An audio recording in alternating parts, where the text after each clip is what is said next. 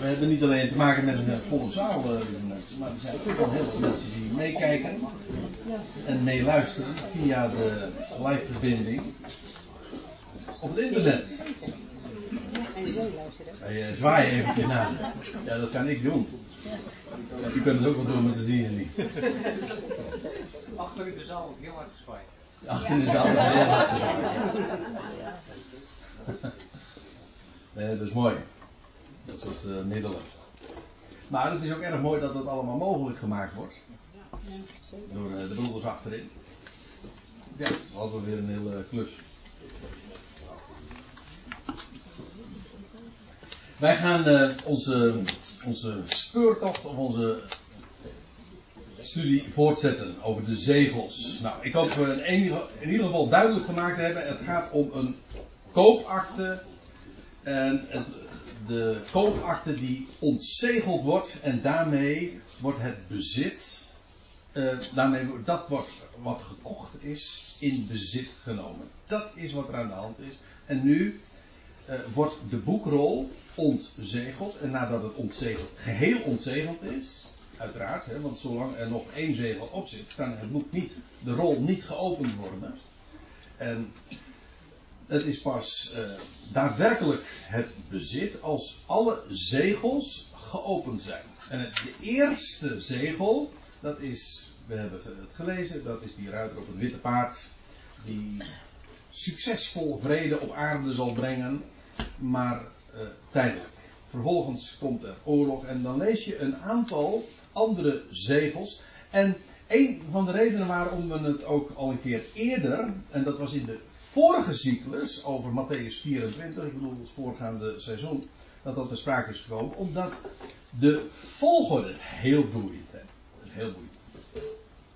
De volgorde van de zegels in Openbaring 6 sluit naadloos aan, en dat hebben we toen gezien, bij de beschrijving die de Heer Jezus geeft van de gebeurtenissen en de ontwikkelingen die zullen plaatsvinden uh, tegen het einde van de Aion.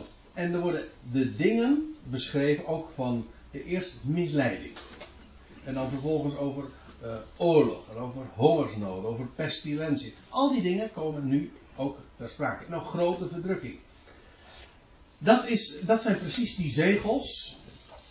Uh, of dat is de inhoud van die, die zegels die hier geopend worden. En die worden daar dus in Matthäus 24 uh, ook genoemd. Ooit daar door de Heer Jezus op de Olijfberg. Nou, voor de tweede zegel hebben we het gehad. Uh, dan komt de derde zegel, het zwarte paard. En dat wordt dan ook uitgelegd, dat is hongersnood. Ik geef het eventjes uh, een term, weer met een term die we geloof ik daar niet eens letterlijk zo vinden. Maar in ieder geval, uh, het voedsel, het graan en de gers en de olie wordt buitengewoon schaars. Oftewel hongersnood dus. Dan lees je over een groen paard. En, en we geven daar een paalpaard. Het is een groen paard. En wat hij brengt is de zwarte dood. Dat is wel weer uh, grappig. Nou ja, hoe je dat uh, grappig is. Nee, ik bedoel de woordspeling vind ik grappig. Ik moet uitkijken, want zo grappig is het allemaal niet hoor. Want het is echt buitengewoon heftig wat er hier plaatsvindt. En ik zeg er al vast eventjes bij, maar ja, ik vind het een beetje lastig om dat uh, om aan te geven wanneer dat uh, nou het beste is om dat aan te geven. Die zegels houden allemaal verband met Israël, met het land in de beperkte zin van het woord. Dat zal uh, alvast uh, blijken. Uh, dat zal straks ook wel blijken bij het zesde zegel, want je leest dan over de vijfde zegel, over de, zielen onder het altaar. Trouwens, we hadden het in de pauze al eventjes over. Het, is, moet natuurlijk duidelijk zijn, in het boek Openbaring is er enorm veel beeldspraak. Er zijn dingen die letterlijk zijn, soms worden dingen ook uitgelegd van dit is dat. Oké, dan weten we het. De, bijvoorbeeld, dan ziet Johannes uh, zeven kandelaren. En dan zijn nou die zeven kandelaren, dat zijn dus zeven ecclesia's. Oké. Eén is beeld, het andere is wat de uitleg. Soms wordt het er niet bij, uitdrukkelijk bij gezegd, dan moet je het elders weer lezen. Het boek Openbaring is ook een sluitstuk van de hele, hele Bijbelse profetie. En, en, je wordt geacht, dat is meestal zo als je een sluitstuk leest, hè, of uh, daarmee te maken dan word je geacht het voorgaande te kennen. Ja, dus als je het boek Openbaring leest en je daarmee bezighoudt en dat bestudeert en onderzoekt, word je geacht de rest van de Bijbelse profetie al te kennen. Of in ieder geval dat als je dit leest, dat je dat boek alleen maar kunt begrijpen als je het uitlegt aan de hand van dat wat eerder reeds door de profeten was gezegd. En daarom is het een aaneenschakeling van, nou niet zozeer citaten, als wel referenties. Dat wil zeggen, er wordt verwezen naar talloze passages in de, in de profeten. Kijk, ik weet niet of u een Bijbel hebt met schriftverwijzingen, maar dan uh, is het uh, heel opvallend in het, in het boek dat het wemelt van allemaal verwijzingen van, oh, de termen die we hier vinden, of de uitdrukking, of de waarheid die hier onder woorden gebracht wordt, vinden we hier, daar, in de profetieën. Het sluit daar direct op aan. Het een, je kunt het boek alleen maar begrijpen wanneer je het uitlegt aan de hand van de rest van de schrift. U weet het, hè? Staat in Petrus al. Geliefden, dit mag u niet ontgaan. Dat geen profetie der schrift een eigen uitlegging heeft. Dat wil zeggen, we lezen de profetie van deze schrift. Het heeft geen eigen uitlegging. Maar, nee, hoe dan wel? Nou, die vinden we in andere schrift.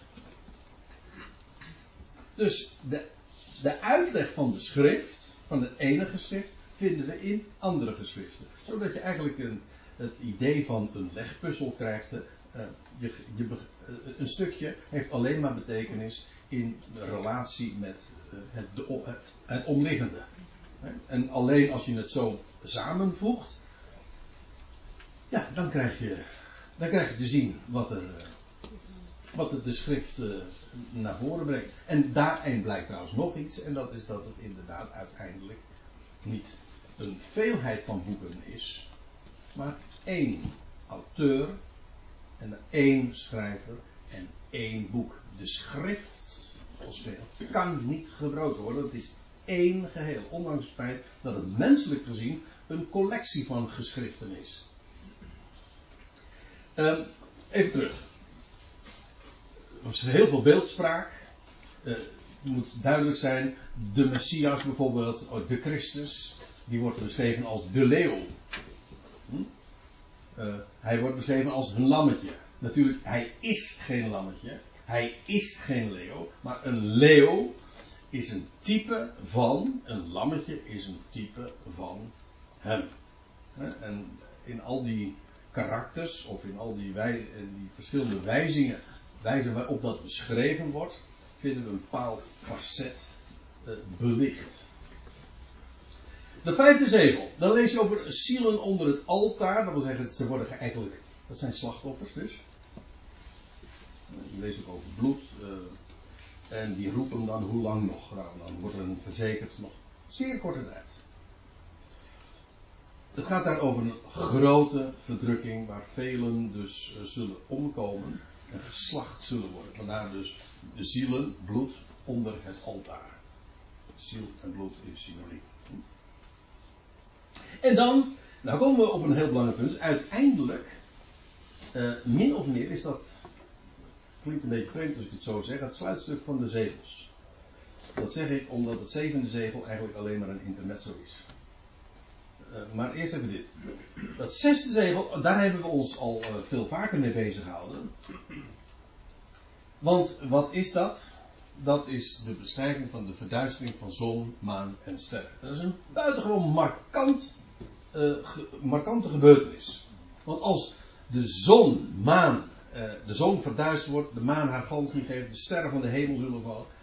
Dat zal het moment zijn dat de zoon des mensen zal verschijnen. We hebben dat uitgebreid gezien in Matthäus 24 en toen heb ik u ook laten zien hoe vaak we die waarheid uh, tegenkomen. Matthäus 24, vers 29, maar ook in Joel 2. En veel andere plaatsen, ook in Jezaja en Ezekiel, dat uh, de zon verduisterd zal worden. Bij die gelegenheid, dan zal, dat zal zijn, ook, ook bijzonder, zal zijn na de verdrukking. Na die grote verdrukking, die, die grote verdrukking eindigt bij uiteindelijk het moment dat de zoon der mensen zal verschijnen. De Ben Adam op de olijfberg. En dat zal die dag zijn dat de zon verduisterd wordt. Maar ten tijde van de avond zal het licht wezen. Dat weer wel. Zacharia. Uh, het is, en dan zie je trouwens ook dat uh, het boek open, uh, Openbaring, wat ik zojuist al zei, aansluit en, op, maar ook gebouwd is op alle voorgaande woorden van de profeten. Dit moment, dat is wat heel vaak dan genoemd wordt de wederkomst. Maar dit is ook weer een, een hoofdmoment. Dan zal de, de Heer Jezus Christus, de Messias, verschijnen aan Israël. Zijn voeten zullen staan op de olijfberg. Nou, bij, over die gebeurtenis hebben we het natuurlijk al heel dikwijls gehad. En dan zal hij verschijnen ook. En alle heiligen met hem. Ja, wie zouden dat ook zijn? Dan zullen wij met hem in heerlijkheid verschijnen. Daar ook. Op de olijfberg. Dat is, eh, dan kom je ons verkopen in het heilige land, hè? Ja, er zijn mensen die zeggen, ik ga er geen stuiver nog even, ik kom er toch nog. Ja, dan zie ik het van boven. Dat is het zesde zegel dat geopend wordt. En ja, en dat, en dat is trouwens ook het moment, jullie kunt dat ook lezen in, uh, in uh, openbaring 6 dan zal de, dat is het moment, dan is de grote verdrukking voor Israël voorbij, maar dan gaat de dag van toorn pas beginnen. Staat er ook. Staat gewoon letterlijk in openbaring 6 bij het zesde zegel. De grote dag van toorn is gekomen. Nu. Dat is het zesde zegel.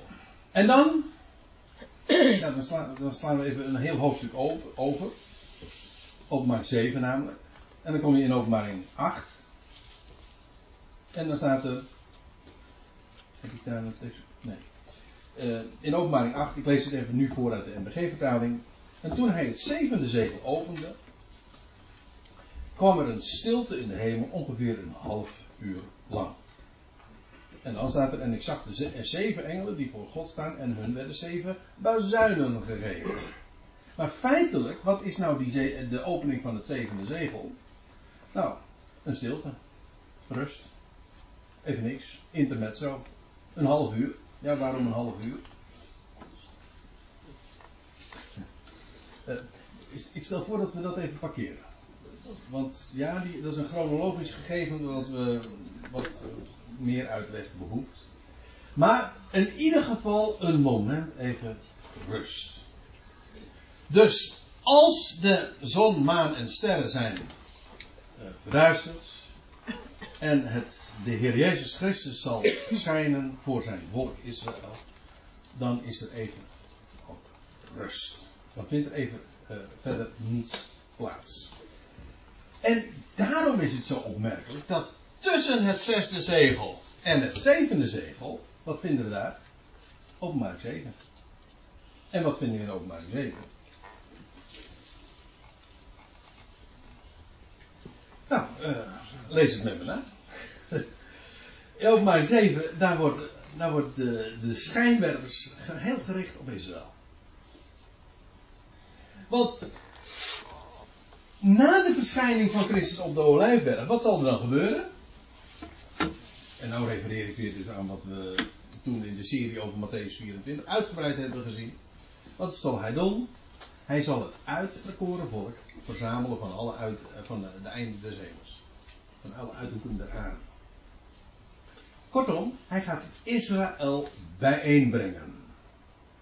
Waar ze ook vandaan komen, uit alle volkeren en talen en naties, zal hij hen bijeenbrengen. Eerst in de woestijn trouwens. En vervolgens vanuit de woestijn via de King's Highway, de koninklijke weg, gaan ze, uh, zullen ze het beloofde land ingaan. En daar in het land zal het volk gebracht worden. Er zal nog een hele schifting aan vooraf gaan enzovoort. Maar dat is allemaal dus na die verduistering van zon, maan. Dat weten we. Vanuit de rest van de schrift. En daarom is het zo ontzettend markant dat we daarin ook weer bevestigd worden in het boek Openbaring. Want wat vind je in het boek Openbaring? Na het zesde zegel. Nou, inderdaad. Een grote schade die niemand tellen kan. Vanaf vers 8, nee, vanaf vers 9 wordt dat dan beschreven. Een grote schade die niemand tellen kan. Maar daar hadden we het net al over. Verzameld, hoe staat het er? Uit alle volken, stammen en talen en, en naties. Precies wat we zojuist al in openbaring 5 ook lazen. Het gaat hier over Israël dat uit de hele wereld teruggebracht wordt naar het land. Via de woestijn komen ze in het land. Een grote schade. Je leest in, uh, in Micha, ik heb het daarom ook even bijgenoemd, staat er van het zal een gonsen van de mensen. In Ezekiel 37 trouwens, er zijn zo verschrikkelijk veel plaatsen waar eh, dat, eh, dat fenomeen, dat, die gebeurtenis beschreven wordt, dat Israël verzameld zal worden, losgekocht, wordt heel vaak ook eh, die term gebruikt, losgekocht wordt en gebracht wordt in het land.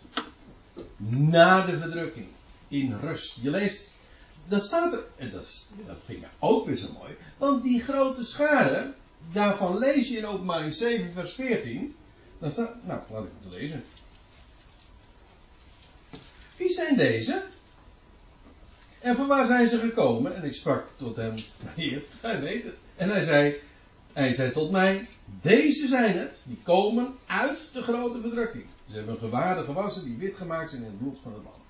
Aha, die kennen ze dus inmiddels. Ze komen uit, let op, de grote verdrukking. De grote verdrukking is dan inderdaad voorbij. Maar dat, is, dat hadden we ook al gelezen in, in, in Matthäus 24. Na de verdrukking in die dagen, dan lees je dat, dat de zon, maan en sterren verduisterd zal worden en de zoon des mensen zal verschijnen en hij zal zijn volk van alle uithoeken der aarde bij, bijeenbrengen. Nou, voilà. Openbaring 7 sluit daar naadloos bij aan. Zij komen, die grote schade komt uit de grote verdrukking. Ze komt, is afkomstig uit, uit alle hoeken van de aarde. Het is een grote schade. En waar bevinden ze zich? Bij de troon van het lammetje. En, en ja, de troon van het lammetje lees je en het lammetje. En ja, dat staat in openbaring 7, vers 9. Ik ga, het gaat maar even zo een, kort aan, te geven van ja, wie. Uh, of wat is die grote schade en uh, hoezo? Nou, dan lees je een aantal kenmerken daarvan. En zij bevinden zich bij de troon en bij het lammetje. Maar wat weten we als de Heer zal zijn verschenen? Voor zijn volk Israël. Dan is het koninkrijk gevestigd en niet wereldwijd, maar wel in het land. En dan wordt Jeruzalem herbouwd en daar komt de troon te staan van de zoon van David, de leeuw uit de stam van Juda. De rechthebber. Het land, kijk, vergis je trouwens ook niet. Het land is inmiddels dus ook niet alleen vrijgekocht. De prijs is niet alleen betaald, dat is in het verleden gebeurd. Maar ook in bezit genomen. De zegels zijn dus inderdaad. Uh, de zegels zijn geopend. En ja, dan is daar een grote schade. Die komt uit de grote verdrukking. Ze bevinden zich bij de troon en het lammetje. Want de Heer Jezus Christus zal inderdaad in het land zijn. En hij zal inderdaad op de troon gaan zitten. En zijn koninkrijk gaan bouwen. En daar is al een grote schade. En je leest ook nog, zij vind, zijn te vinden in de tempel. Dag en nacht. Staat er ook bij in openbaring 7 vers 15. En dat uh, bevestigt precies waar we het over hebben. Namelijk Israël in het land. Een herstelde stad Jeruzalem waar de troon is. En ook weer een tempel. We bevinden hier ons echt op Hebreeuwse bodem, Joodse bodem. Het volk is weer teruggebracht Dit is waar Israël naar uitkijkt. En het koninkrijk van priesters. Dat is eigenlijk wat er, eh, waar het over gaat. Het koninkrijk van priesters wordt hier als het ware geïnstalleerd. Zij zijn inmiddels trouwens ook in rust. Je leest in uh, openbaring uh, ook nog. Ze zijn, voor de, zijn voor de troon van God, ze vereren hem dag en nacht. Uh, en hij, ik lees even voor uit vers 15 van openbaring 7. En hij die op de troon gezeten is, zal zijn tent over hen uitspreiden. Als, als, een tabernakel, zeg maar. En zij zullen niet meer hongeren en niet meer dorsten. Ook zal de zon niet op hen vallen, nog enige hitte. Want het lam dat in het midden van de troon is, zal hen weiden. En voeren naar de waterbronnen van leven. God zal alle tranen van hun ogen afwissen. Kortom, voor dit volk, uit de grote verdrukking is gekomen, is het nu vrede. En rust. En overvloed. En zij zijn bij de troon. Ze zijn bij God. Precies een beschrijving. Natuurlijk, hier is dat beeldspraak. In, de, in veel andere provincieën vinden we dat heel letterlijk. Maar het sluit gewoon direct aan. Die grote schare is Israël. Het is het begin van het koninkrijk. Het land is inmiddels losgekocht en het bezit van de enige rechthebber. Dat is een prachtige, ja, ik vind het een geweldige waarheid.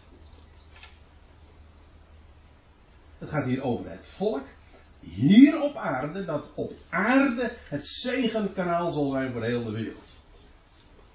Ja, nou ja, eh, u begrijpt waarom we eh, het eerste deel van het seizoen hebben we het gehad over de wegrukking, hebben we het eigenlijk gehad over, over de mannelijke zoon, over de Christus, waar wij toe mogen behoren. En hier gaat het over het volk dat hier op aarde het kanaal van zegen is en het koninklijk priesterdom. De grote schare is tot haar bestemming gekomen. Namelijk dat ene volk van Israël. Maar eh, dan zijn we er nog niet hoor.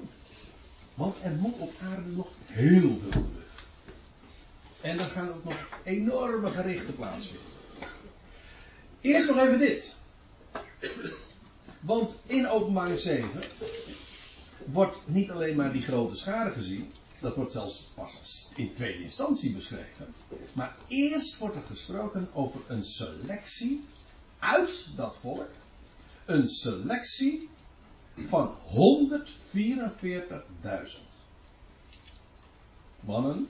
Ja. Uh, maar wat vooral uh, opvallend is, ze komen uit de stammen van Israël. Ja wat andere groeperingen ook mogen zeggen. Hè, en mogen claimen van de 144.000 zijn wij. Heb ik dat allemaal verteld over wat Jehovah-getuigen daarover zeggen? Nou, we kan er kort over zijn. Maar uh, het, het leuke is altijd wanneer een, een, een Jehovah-getuige bij uh, aanbelt uh, bij iemand, ik noem het eventjes gemakshalve, bij iemand gewoon uit kerk. Die wint altijd zo'n discussie met zo'n kerk uh, met zo iemand die de traditionele visie, zeg maar, vertegenwoordigt. Want die hoogrijder weet je wat hij zegt. Hij zegt van ja, in het boek Openbaring, daar wordt gesproken over een grote schade die niemand tellen kan. En je leest over een, een 144.000, dat is niet zelden. Ja, of je kunt niet lezen. Of, ja, of als woorden enige betekenis hebben, dan is, dan is dat wat er staat. En daar, daar, daar kun je niet aan ontkomen. Terwijl ja, de traditionele kerkvisie die kent helemaal geen onderscheidingen. Dus je kent één uh, kerk van Adam tot aan de jongste dag. En dat is één grote groep. En onderscheidingen totaal geen benul van. En Jovenaars, ja, wacht even, dit staat 144.000 hè. Dat is niet zomaar. En, dat, en daar krijgen, hebben ze groot gelijk in. Maar wat zij dan weer vervolgens zeggen, is ja, als er dan staat van 12, nou, zal ik voorlezen? En ik hoorde het getal. Eerst was het, later is er sprake van een, een, een, een gezelschap dat niet geteld kan worden. Daar, daar begint Johannes dus maar niet eens aan. Maar ik hoorde het getal van hen die verzegeld waren. 144.000 waren verzegeld. Uit alle stammen van de kinderen Israëls. Aha, dus niet uit alle natieën. Nee, uit de kinderen Israëls. Nou, als je dat. dan is het eigenlijk al duidelijk. Maar goed, dan staat er uit de stam van twa- Juda 12.000 verzegelde. Uit de stam van Ruben 12.000. Nee, ik ga dit niet allemaal doen. Maar, en twaalf keer worden gewoon de stammen van Israël aangewezen. Stammen Israëls. En 12.000 uit die stam. 12.000 uit die. Dus het ene letterlijk neemt het andere toe. Het gaat hier gewoon, ik denk dat het gaat over de stammen van Israël. Dat denk ik echt. Ja, dat is, ik, en, weet u, en weet u hoeveel mensen het, eh, om hoeveel mensen het gaat? Ik denk 144.000. En ja, ik heb. eh, ik reken maar eens na. 12 keer 12.000 is 144.000. Als je niet geloven wil. Nou, dan staat het totaal hier ook nog. Dus ja, linksom, rechtsom, je komt altijd gewoon daaruit. Dus daar, is, daar kan helemaal geen misverstand over bestaan. Maar dat is toch eigenaardig. Er vindt dus, er is een grote schade, die, die komt uit alle volkeren. Oké, dat is het volk Israël, dat verzameld wordt van, eh, vanuit alle naties. Maar dan heb je dat hele volk en in dat volk vindt er dan weer een selectie plaats. 144.000 mensen. En die worden verzegeld. Hoezo verzegeld? Nou, daar staat erbij. eh, want de oordelen over de aarde die nog gaan komen, die worden opgeschort, tijdelijk. Er staat de. eh, nou ja, zal ik het even voorlezen. Ehm, daar staat er van: eh, breng geen schade toe. Ehm, ja, vers 3. En hij, eh, er, wordt dan gezegd: breng geen schade toe aan de aarde, nog aan de zee, nog aan de bomen. Voordat wij de knechten van onze God aan hun voorhoofd verzegeld hebben. En dan vervolgens worden, wordt er gesproken over die 144.000. Dus, eh, dus dat gaat nog gebeuren. Maar voordat dit gaat gebeuren, daaraan zie je trouwens ook al dat openbaring 7 het karakter heeft van een intermezzo, van een pauze, een rust. Tussen dat zesde, eh, of na dat zesde zegel krijg je rust. En dat is precies ook wat het zevende zegel is. Namelijk rust.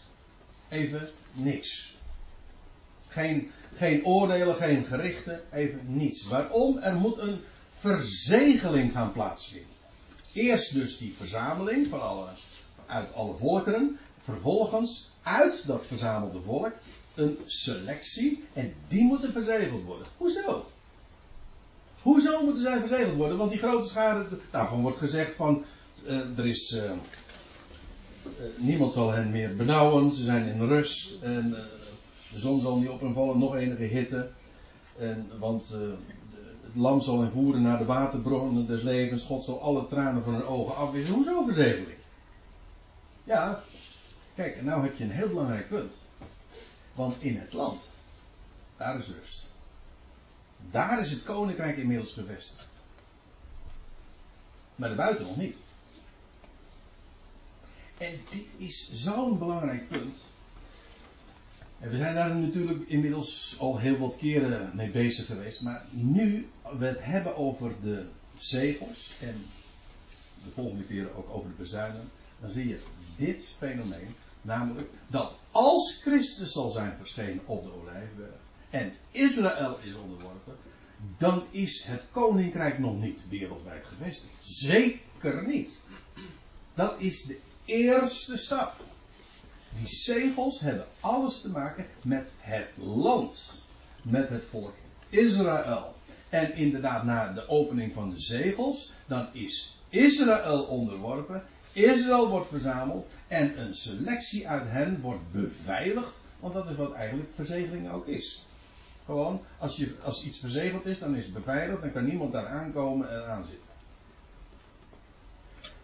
En vandaar ook dat de oordelen over de aarde worden opgeschort. Zodat eh, eh, eerst, moet, eh, eerst moeten zij namelijk ook verzegeld worden. Zij worden beveiligd. Wat dat trouwens ook precies mogen betekenen. Ze worden verzegeld aan het voorhoofd, wordt er gezegd.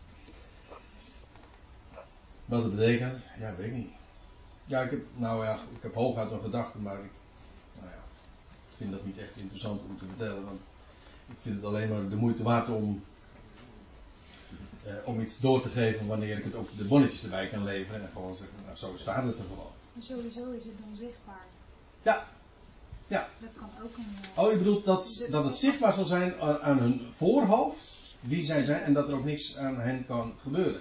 Ja, maar, want, eh, je leest inderdaad, eerst moeten die knechten van God worden verzegeld. En de reden is, zodat geen onheil hen zal treffen. Hé, hey, hoezo? Maar, voor die grote schade is dat helemaal niet aan de orde, want daar is het inmiddels allemaal pijs en vrede. Ja, maar, maar daarbuiten niet. En dat is nu juist het hele punt.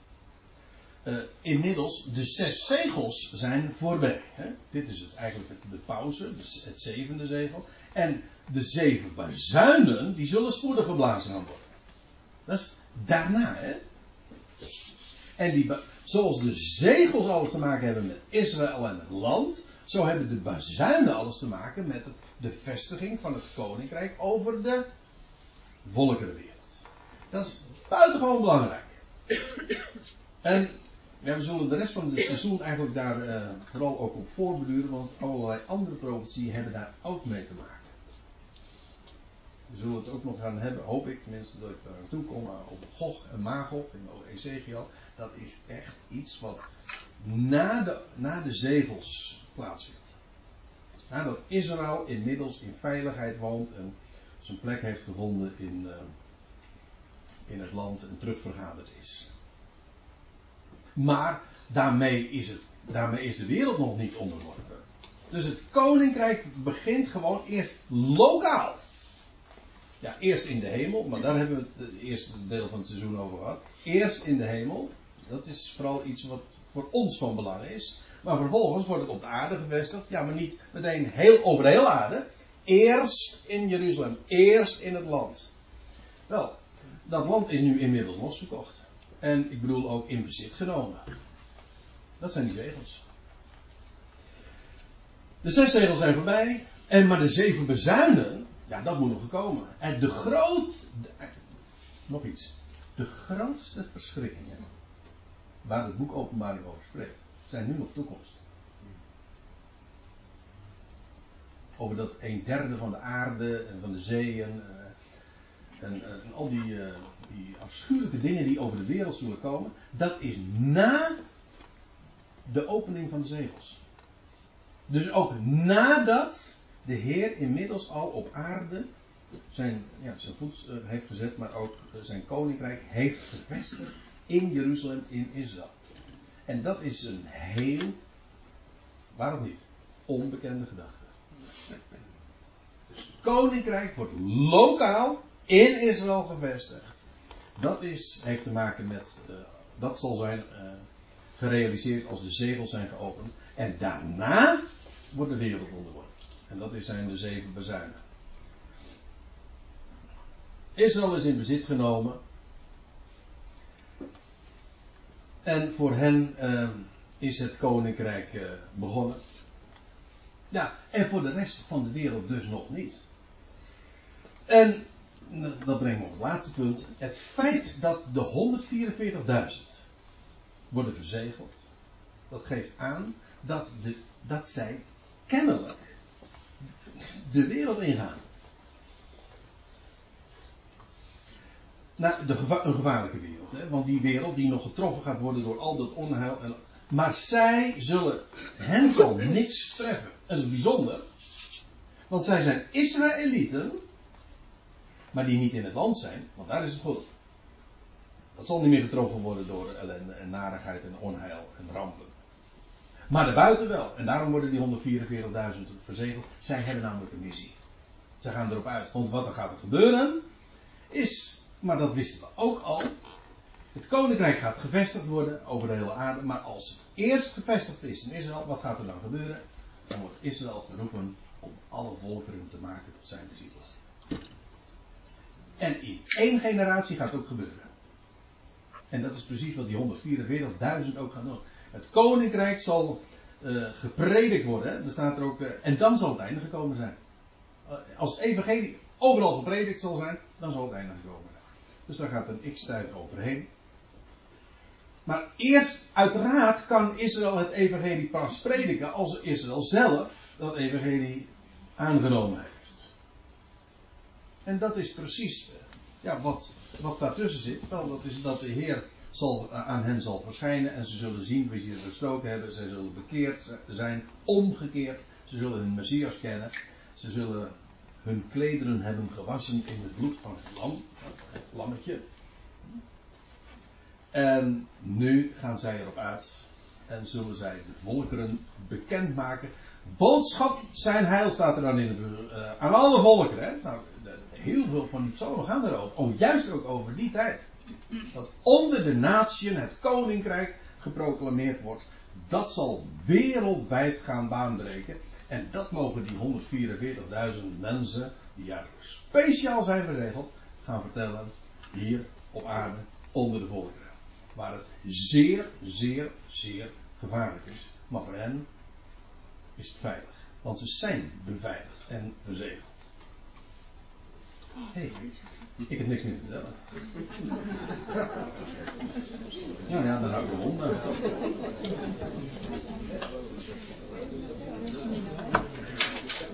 Maar dat betekent dus. Uh, nee, dit is alleen maar eventjes een uh, aankondiging van de volgende. Dat betekent dus dat uh, we nu vervolgens aandacht moeten gaan geven over die bazuinen en waar die bazuinen dan wel op wijzen. En waar dat in eindigt. Nou, dat is een heel mooi onderwerp voor de volgende keer. Of de volgende keer. Dat is niet goed dat. Uh, ik, weet, ik weet niet, ik heb het nog niet allemaal precies ingedeeld. Maar ik kan u wel verklappen, er is stof genoeg. Of had jij gedacht dat dat niet zou zijn, uh, Therese? Nee, nee, nee. ik weet dat er nog heel Ja.